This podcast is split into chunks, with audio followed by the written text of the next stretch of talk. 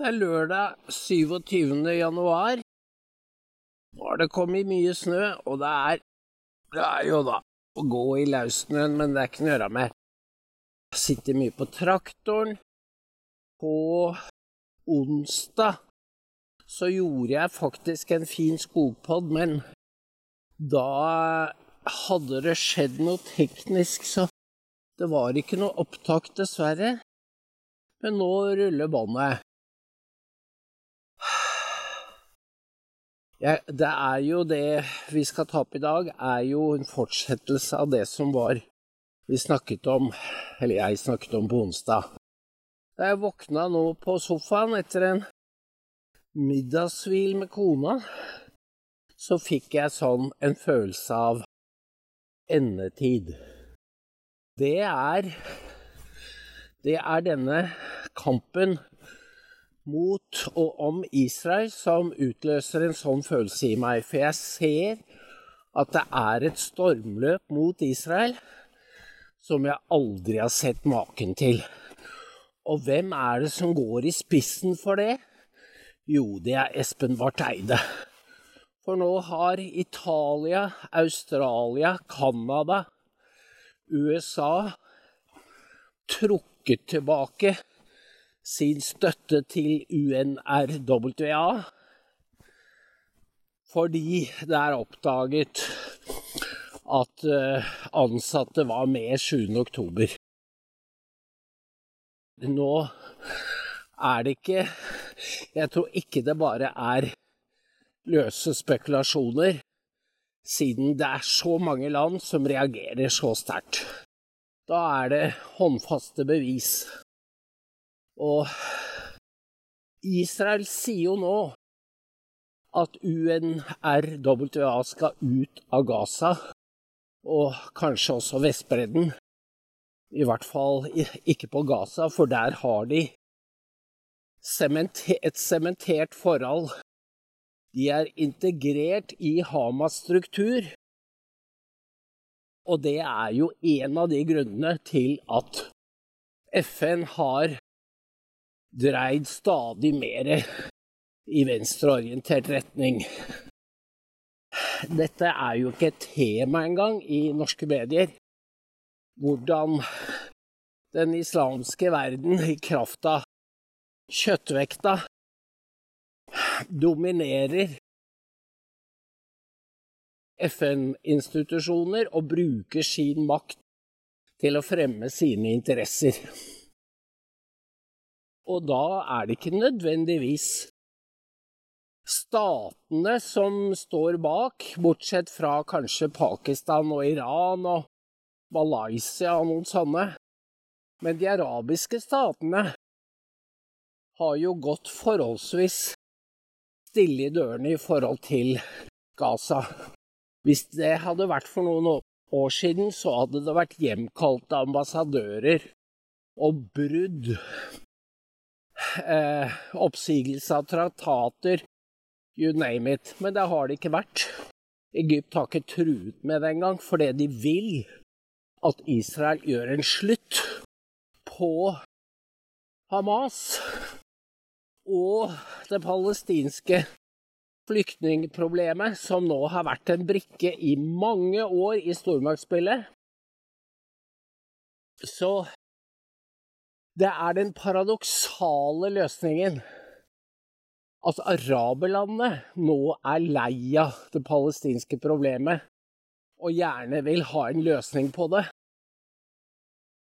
Mens det er de europeiske og vestlige, altså inklusive USA og Canada, Australia, som er de som nå ivaretar den palestinske saken, altså, som skyver flyktningene for seg, foran seg. De er jo ikke flyktninger. De er, det er flere millioner som lever på Verdensorganisasjonens sosiale forsorg. Og de arbeider ikke, og de får unger. På Gaza er det i gjennomsnitt åtte unger per familie. Og da er det jo klart at det blir en befolkningseksplosjon. Jeg tror vanlige nordmenn ser en parallell til vår egen innvandring. At de får flere barn enn nordmenn, og over tid vil erstatte vesteuropeere i de landene de har slått seg ned i. Så det er én av grunnene til denne øredøvende Gaza-palestiner-propagandaen. At det gjelder om å overdøve den indre stemmen til europeere som sier at dette er, vi er egentlig på Israels side. For det er jo europeere. Frankrike er flertallet for Israel. Og hadde ikke vi hatt NRK, så vil, hadde, hadde, det vært en annen vinkling på NRK, så ville jo folk også her hatt et annet syn. Men eh, Trine Skei Grande visste hva hun gjorde da hun innførte lisensen over skatteseddelen. Og da, for da vet lederen i NRK de kan gjøre akkurat hva de vil. De er urørlige.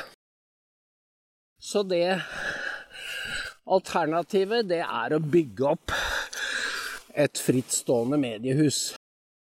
Det blir mer nødvendig enn noen gang. Fordi dette er en eksistenskamp, ikke bare for Israel, men også for oss. Og Espen Barth Eide må gjerne si at han At nå er det viktigere enn noen gang å stå sammen med palestinerne og UNRWA. Han må gjerne si det, men det betyr at han eh, hopper bukk over de moralske skruplene som de andre da reagerer på og har. Det er Palestina, Gaza, Hamas for enhver pris. Men altså, mens Israel ikke kan gjøre som de vil, så kan palestinerne gjøre det. Og det Det kommer Barth Eide til å måtte gå tilbake på. Og han spiller nå hasard både med regjeringens skjebne, med Arbeiderpartiets og med Norges.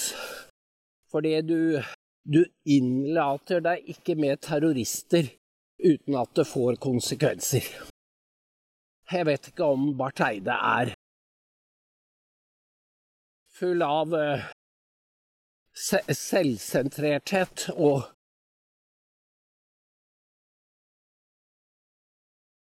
Ja, og man er så egosentrisk at han ikke forstår eh, sin egen rolle, men det er i hvert fall nok av andre i Midtøsten som ser hva Norge gjør.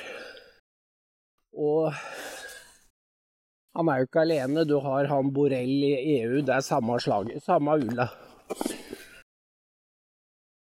Og disse er med på å islamisere Europa fordi Det muslimske brorskap, som Hamas springer ut av, de forstår i hvert fall hva som skjer og de gnir seg i hendene og rykker frem sine posisjoner. Så jeg tenker at dette er jo et sånn sannhetens øyeblikk for alle som elsker sitt eget land og forstår at det er bygget på sannheter som Israel også er grunnlagt på. Og dette vil jo ikke sosialistene at du skal forstå, og heller ikke Erna. Det er lenge siden Erna har sagt noe som tyder på at hun er norsk og bygger sitt verdigrunnlag på kristen kultur. Jeg kan ikke si jeg har hørt hun har kommet med noen referanse, men hun har sagt at vi er sammensurie, og muslimene er dagens jøder. Det er hennes. Det er de to uttalelsene hun vil bli husket for. Så det er altså ingen motstand å spore innenfor de etablerte partiene Kristelig Folkeparti er jo en flau bris. Det betyr ikke at det ikke er flere medlemmer som er av samme mening som oss. Men opposisjonen befinner seg utenfor Stortinget, og det det legger en stor byrde på oss. En forpliktelse om å gjøre noe, fordi dette er jo som om eh, Hitler har kommet tilbake for å fullføre jobben. Akkurat som de skrev opp på veggen på Furuset. Og det kan vi ikke. Da går det ikke an å stå passivt og se på. Så dette handler om de virkelig store ting og jeg vet at eh, en bestemt Eller altså Hva skal vi kalle det? Bibeltro kristne har lest endetidsfortellingen inn i Midtøsten i lang, lang tid. Jeg har ikke helt vært der, men når jeg ser hva som bygger seg opp mot Israel, så får jeg en følelse av at dette er dette gir sånne assosiasjoner. Og vi skal ikke være redd for å se hva hvem som rotter seg sammen mot Israel. Og da er det altså at krigen mot Israel føres i vårt navn. Og da må vi si nei, ikke i mitt navn.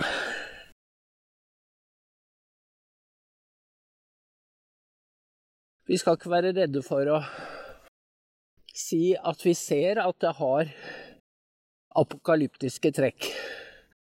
For det er det jo så mange av nå.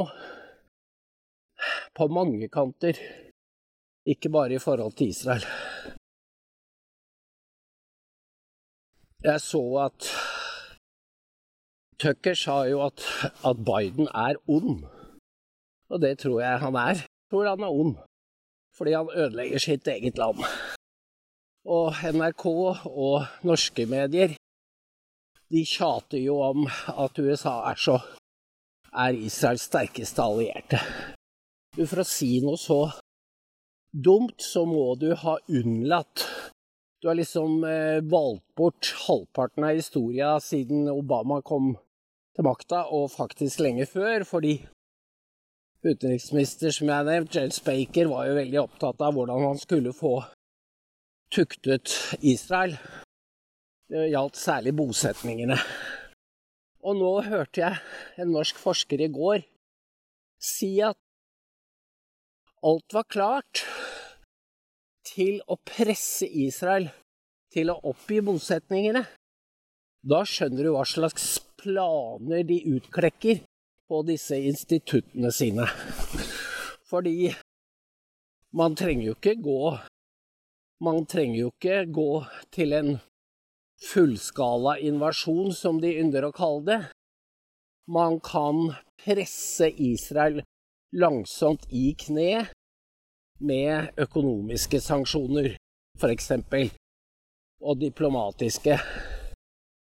Og det er det sånne som Barth Eide og Borrell ser for seg, for de skal verve støttespillere i den arabiske og muslimske verden.